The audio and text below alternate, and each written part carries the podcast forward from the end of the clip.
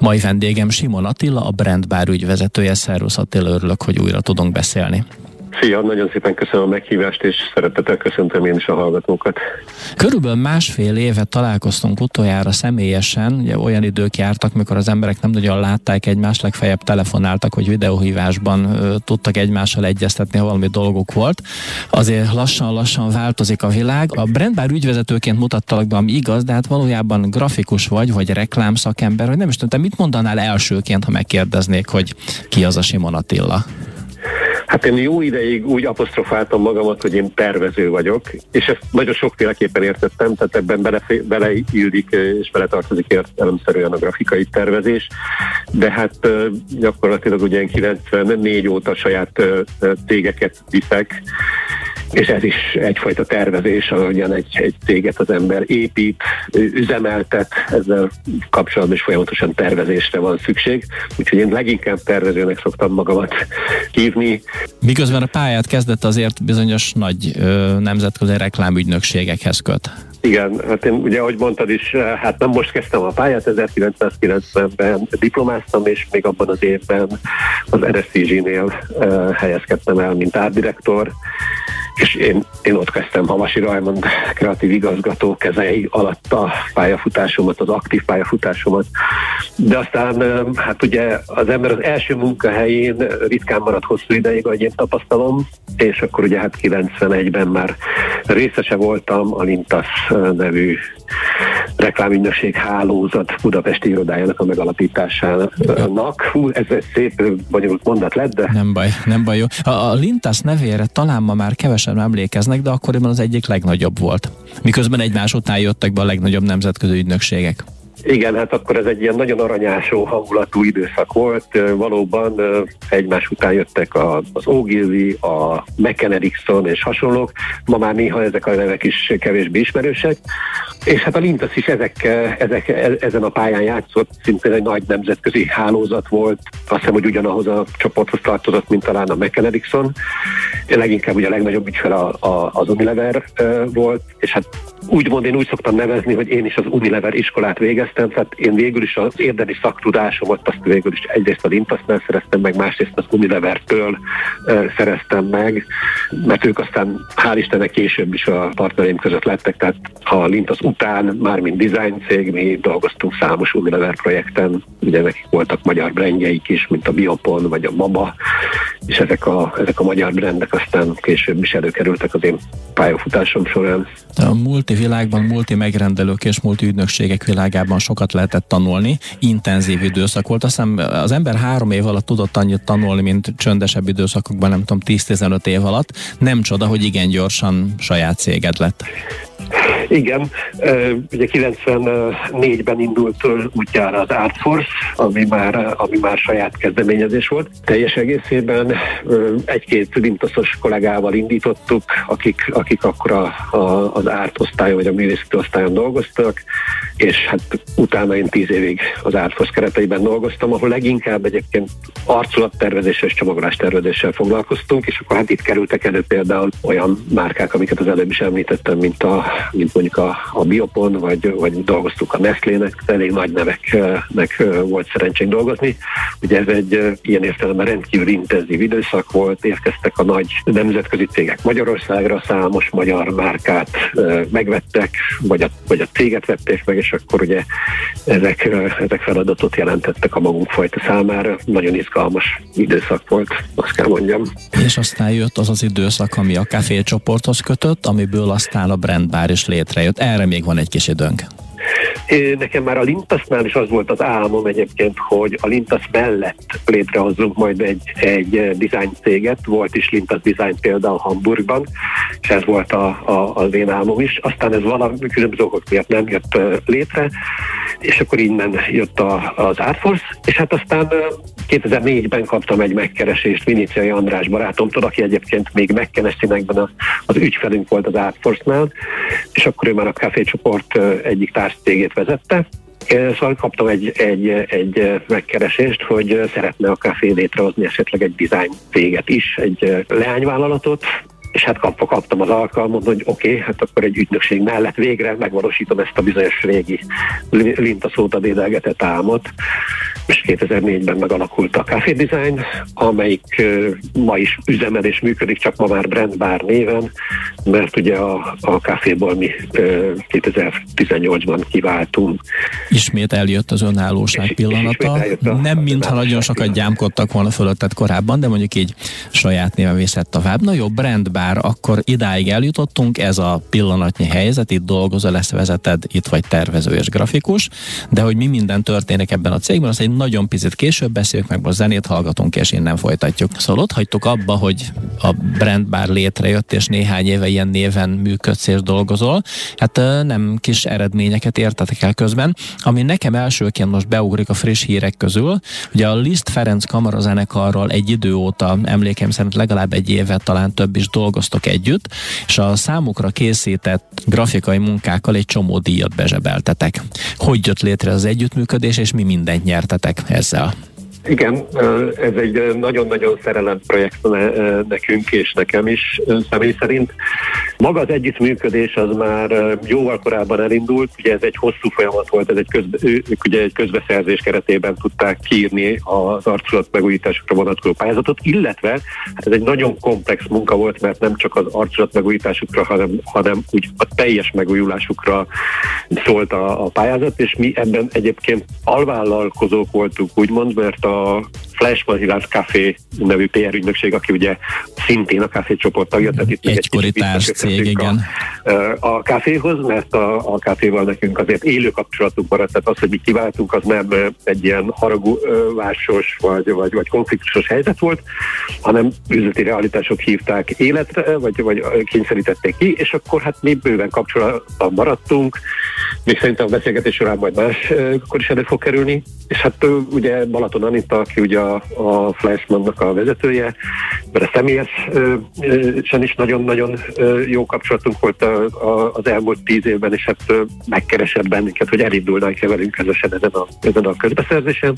Hál' Istennek úgy döntöttem, hogy elindulunk, én nagyon óvatos vagyok az ilyenekkel, ilyen közbeszerzésekkel, és nem, nem feltétlenül szoktam magamtól elindulni rajtuk.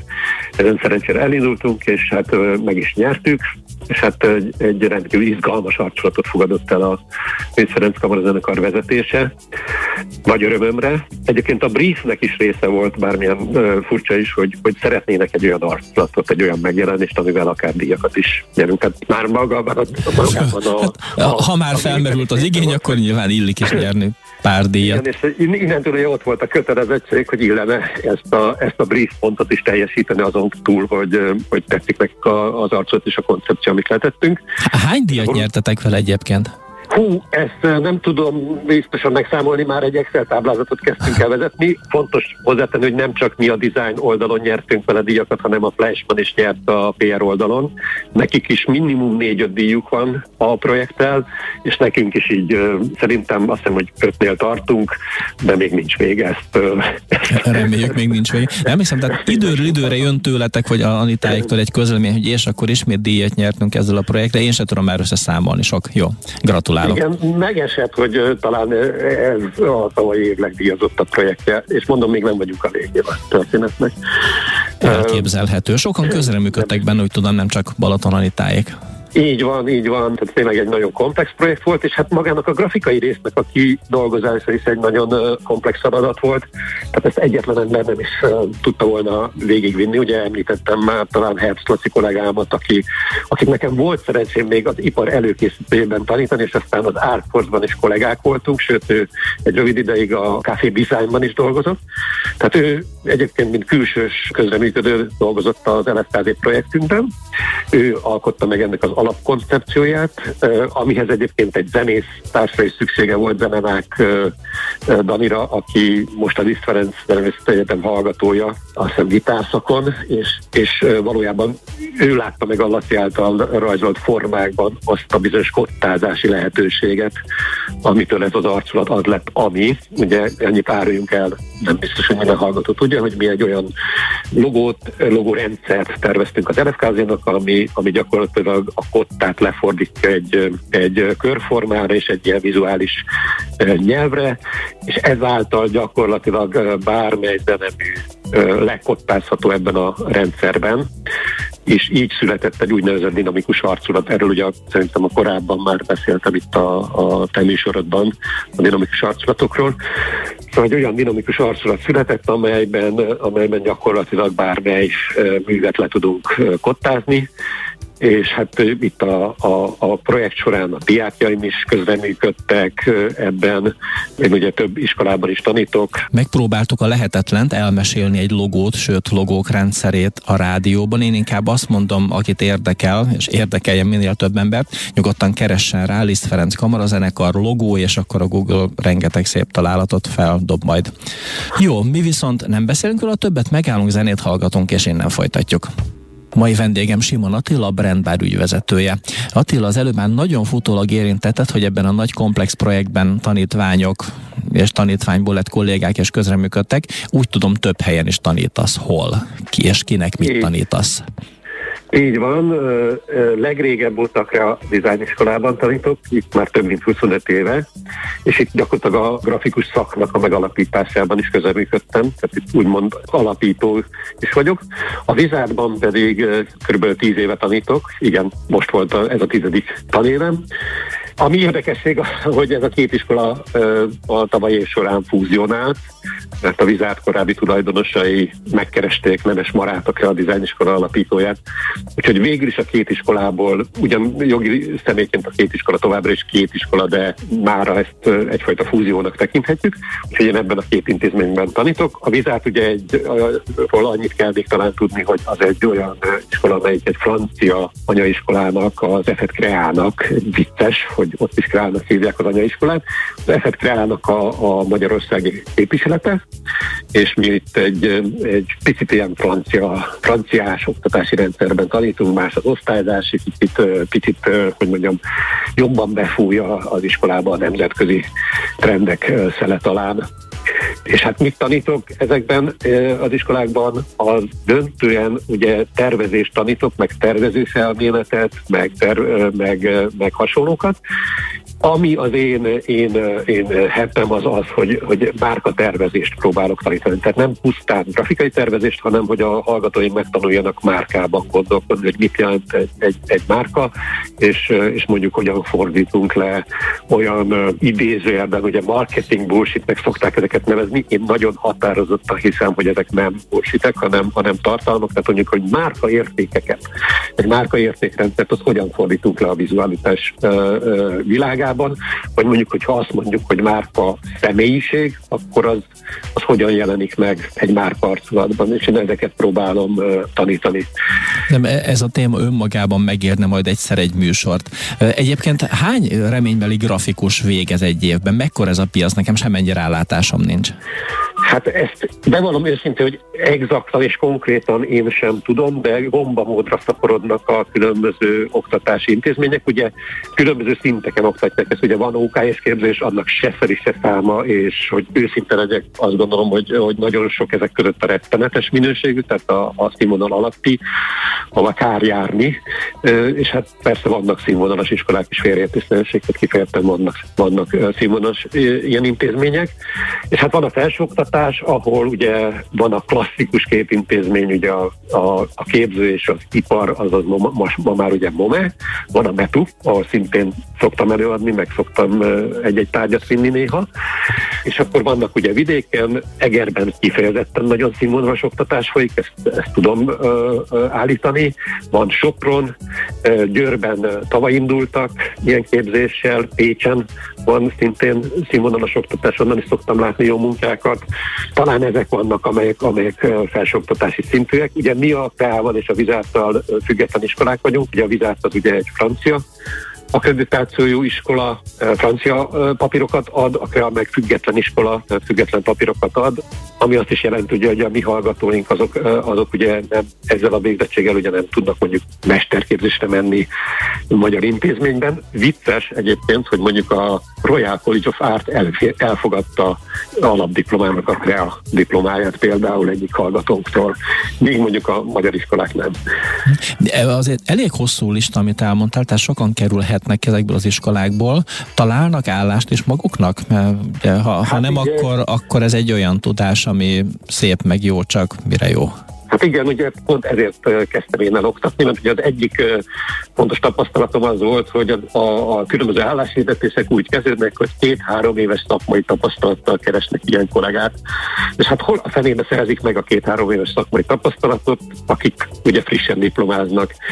És miért van az, hogy a cégek két-három éves szakmai tapasztalattal keresnek munkatársakat? Hát borzasztó egyszerű, azért, mert az iskolai oktatás után kikerülve az emberek Hát még nem feltétlen piac érett tudással bírnak, és, és valakinek, valakitől meg kell kapniuk ezt a két-három éves szakmai tapasztalatot ahhoz, hogy valóban használhatóak legyenek, és hát a legtöbb cég ugye erre nem szeretne energiát fordítani. És hát gyakorlatilag az én motivációm az oktatásban az volt, hogy akiket mi tanítunk, azok már ne kelljen ez a két-három éves szakmai tapasztalat.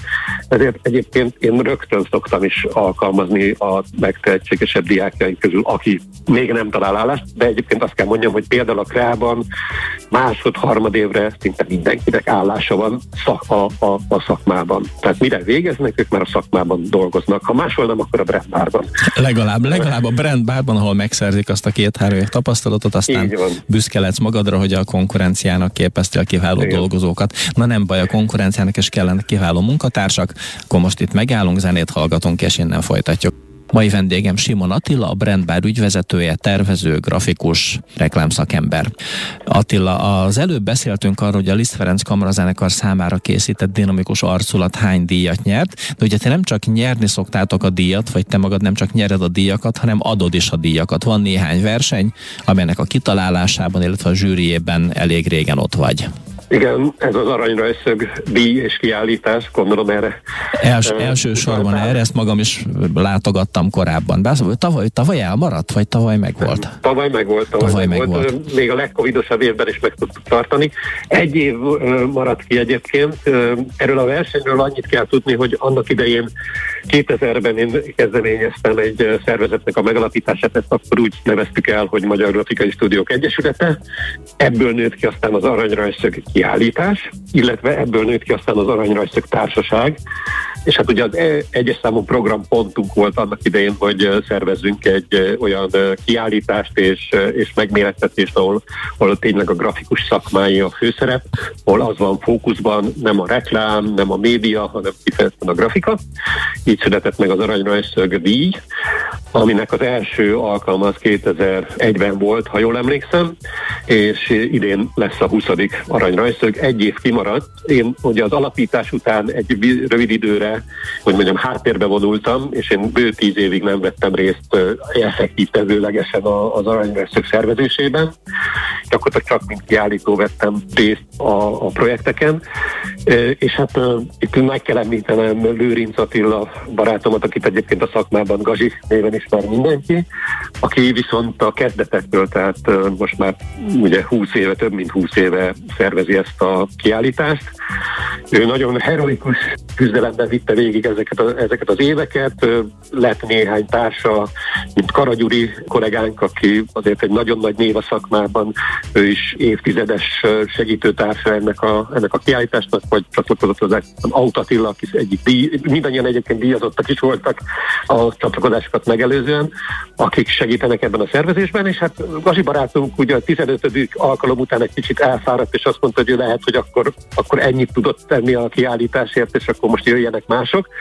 És hát akkor így nagyon gyorsan a segítségére siettünk, jó magam is, vagy Herbst kollégám is, és, és azóta mi is részt veszünk újra ezeknek a kiállításoknak a szervezésében, vagy éppen a zsűrizésben is. Ugye a zsűrizés is nagyon sokat alakult, ugye viszonylag egy, egy szűk 8-10 fős társaság zsűrizte a munkákat egészen a 15. alkalomig. Már ezt kiterjesztettük, és nagyon, nagyon készít vagyunk, tehát például nagyon ügyelünk arra, hogy a, a, a, az alapbírálatot, tehát a pontozó zsűri az, az mindig azonos számú hölgy és férfi kollégát tartalmazzon, és a többi, és a többi. Tehát most már egy, egy lényegesen tágabb kör. Van olyan év, amikor 20 zsűrizték, van olyan év, amikor, amikor ennél többen, akár 40-en zsűrizték a, a munkákat, és ebből már egy, egy, egy exaktabb szakmai kép alakulhatott ki, hogy ki teljesített kiemelkedően az adott évben. Van egy másik rendezvény, amire még azért kitérnék röviden, ha te is úgy gondolod, az Illusztrációs Fesztivál. Ha jól tudom, kettőt rendeztetek eddig belőle. Így van, ez Herz Laci kezdeményezésére jött létre, aki ugye, hát látva is részt, ahogy részt vett ugye ezekben a, ezekben a kiállításokban, meg azt gondolom meglátta a lehetőséget, mozgosította a kiadókat, illetve hát van egy nagyon fontos társunk, még Révé Szemese, művészettörténész kolléganő, aki szintén oroszlán részt vállal az Illusztrációs Fesztivál szervezésében, és hát itt az Illusztrációs Fesztiválon keresztül ugye itt már nemzetközi kapcsolatok is kiépültek, tehát itt már, itt már voltak ugye külföldi illusztrátorok, szlovákok, csehek, olaszok Magyarországon, és mi is visszük ezeket az anyagokat külföldre, pont most, talán még most is Pozsonyban van az anyag egy része, illetve vidékre is. Szolnokon épp van egy kiállítás az Illusztrációs Fesztivál anyagából, de majd megyünk Egerbe is, Miskolcra is, tehát, tehát itt, itt ez is egy nagyon izgalmas dolog ez, a, ez az illusztrációs világ. Remek, akkor sokaknak van még esély, hogy mostanában vagy a közeli hónapokban ezt megnézzék. Mi viszont ideiglenesen megállunk, zenét hallgatunk, és akkor egy másik témával folytatjuk. Február második a táján a néphit szerint a mackó kijön vagy nem jön ki a barlangjából, és megjósolja vagy nem jósolja meg, hogy rövid lesz a tél vagy hosszú. Hát körülbelül erre számítunk így február elején. Te nem vagy medve, és nem úgy jósolsz, mint ő, hanem sokkal megbízhatóbban. Te mire számít az idei évben? Te, mint Simon Attila szakember, mint brandbár ügyvezető, és mint grafikus, aki rálát erre a piacra. Hát én egy nagyon jó évben reménykedem. Jósolni nem mernék én sem, nincs kristálygömböm, de én nem panaszkodom a tavalyi évre sem, sőt azt kell mondjam, hogy egész jól átvészeltük ezt a Covid időszakot is, ugyan értelemszerűen voltak nehézségeink, amikor, amikor ugye jött a, a zárlat, akkor gyakorlatilag egyetlen hétvége alatt kellett egy irodai működésről átállnunk ugye teljes home office működésre, ez olyannyira bejött nekünk egyébként, hogy az elmúlt időszakban nem is lett, tehát, tehát gyakorlatilag megszüntettük az irodánkat, és teljes egészében home office rendszerben dolgozunk. Hát azt tudom jósolni az idei évre, hogy újra lesz irodánk. Ezt uh, tudjuk, mert már uh, megállapodtunk szóban a hely kibérléséről, sőt a költözés provizórikus időpontja is ott van februárban, úgyhogy újra irodánk lesz. Az már nagyon közel van. Az emberek megmaradtak? Ré- rég jártam nálatok, mikor még volt iroda, hogy elég sokan ültek ott viszonylag kis helyen. Hát a létszám maradt, természetesen bizonyos fokú cserélődés van a, a, a, a kollégák között, de alapvetően tehát a létszám összegében nem változott, tehát, tehát annyian vagyunk, mint voltunk. Így ez egy tizen néhány fős cég, úgyhogy ennyi, ennyien vagyunk. Azért más az együtt dolgozni. Bármennyire is meg lehet oldani egy csomó dolgot telefonon, meg online, meg lehet egymással a távolról kommunikálni, azért úgy, úgy ott ülni egymás mellett és megnézni, megbeszélni a dolgokat szerintem egészen más annak a fekvése. Igen, és ilyen szempontból baromi érdekes volt látni a kollégák véleményének a változását is. Tehát, hogy ugye az, hogy feladjuk az irodát, az egy közös döntés volt, tehát nem, nem mi, mi vagy nem én döntöttem úgy mondjuk, vagy a, vagy a tulajdonosokat döntöttünk úgy, hanem, hanem, hanem egy egyeztetés volt a kollégákkal, hogy ki hogy szeretné, és úgy, úgy tűnt, hogy mindenki azt mondja, hogy jó, ez a, a home office dolog működik, kitaláltunk mindenféle platformokat arra, hogy, hogy ilyen szakmai eszmecsere legyen. Természetesen szerveztünk azért olyan eseményeket, ahol közösen találtunk tudtunk találkozni, és tudtunk kötetlen formában beszélgetni, vagy akár kötöttek formában is, vagy mindenféle online eseményekkel is kísérleteztünk, és ezek nem működtek egyébként rosszul, de, de igen, kell, kell a személyes uh, uh, nexus, és, és, és tényleg ez a odaszaladok a gépethez, és megnézem a munkádat érzés, ez, ez azért uh, hiányzik. És, és hát van olyan kollega, aki eredetileg úgy foglalt állást, hogy neki tökéletes a home office, és ő ma talán őtől indult el aztán az a kezdeményezés, hogy akkor mégiscsak legyen irodánk. Hmm. A költözésen kívül milyen nagyobb projekten, projektben gondolkodsz még? Hát ugye nekünk a, a nehézség az, hogy általában mi nem beszélhetünk a projektjeinkről addig, amíg... A, akkor most hallgassunk egy kicsit a nagy amíg, amíg, Azért remélem vannak amíg, nagy projektek. Annyit megsukhatunk, hogy, hogy, hogy nem csak az LFKZ lesz az egyetlen, egyetlen nagy márka, vagy, vagy, vagy, vagy jelentős márkanév, akinek dolgoztunk. Van egy egyéves, körülbelül egyéves csomagolásfejlesztési projektünk, egy nagy magyar nagy múltú magyar márkával, akinek a csomagolásai megújulnak. Én már láttam boltokban új csomagolással termékeket, de még ugye nem jelent meg a teljes portfólió majd hamarosan beszélhetünk róla márciusban, majd újra meghív. Jó, hát akkor a, Akkor a titkos dolgokról ne beszéljük, de van még talán egy-két percünk, mielőtt el kellene búcsúznunk a hallgatóktól. Egy, egy felvezetés mondani, hogy a Simon Attila reklámszakember, tervező, grafikus, stb. mellett szoktam mondani viccből, hogy Simon Attila a nemzet napszámosa. Mi is az a napszámos dolog, amit itt most szóba hoztam? Igen, nagyon köszönöm, hogy szóba hoztad, mert ez nekem szintén egy ilyen Hobbi. projektem, egy hobbim, igen, ami uh, most már uh, több mint 1300 napja tart ez egy melléktermék gyakorlatilag. Ugye a tanításról beszélgettünk már, és hát az, az oktatási projekteim során egyszer csak fölkértek, hogy mi lenne, hogyha szaktörténetet is tanítanék. És hát mondtam, hogy végül is jó, mert van ennek, tehát, tehát engem mindig is érdekelt a szakmák múltja, és, és, és foglalkoztam ezzel, és voltak erről anyagaim hasonló, csak kérek egy évet, hogy felkészüljek rá.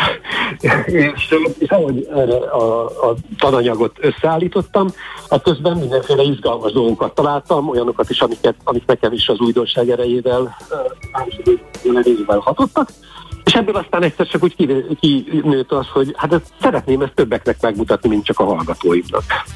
És akkor így elindult kerestem, vagy keresni, próbáltam valami, valami vezérfonalat, és azt mondtam, hogy hát végül is minden napra lehet találni egy neves alkotót, aki aznap született, vagy aznap jött el, akkor én csinálok egy ilyen programot, hogy minden nap kiposztolom, hogy azon a napon kik születtek, kik haltak meg, és mi, mi volt az életművükkel, és hát ezt a projektet viszem most már több éve, minden nap van, vannak olyan posztjaim, és most már külön ugye Insta oldal, és külön, külön Facebook oldal is van napszámos címmel, ahol mindig lehet olvasni grafikusokról, testékről, képzőművészekről, néha más, például márka alapítókról is szoktam megemlékezni, Julius Magdiról, vagy, vagy Gilletről, vagy másokról.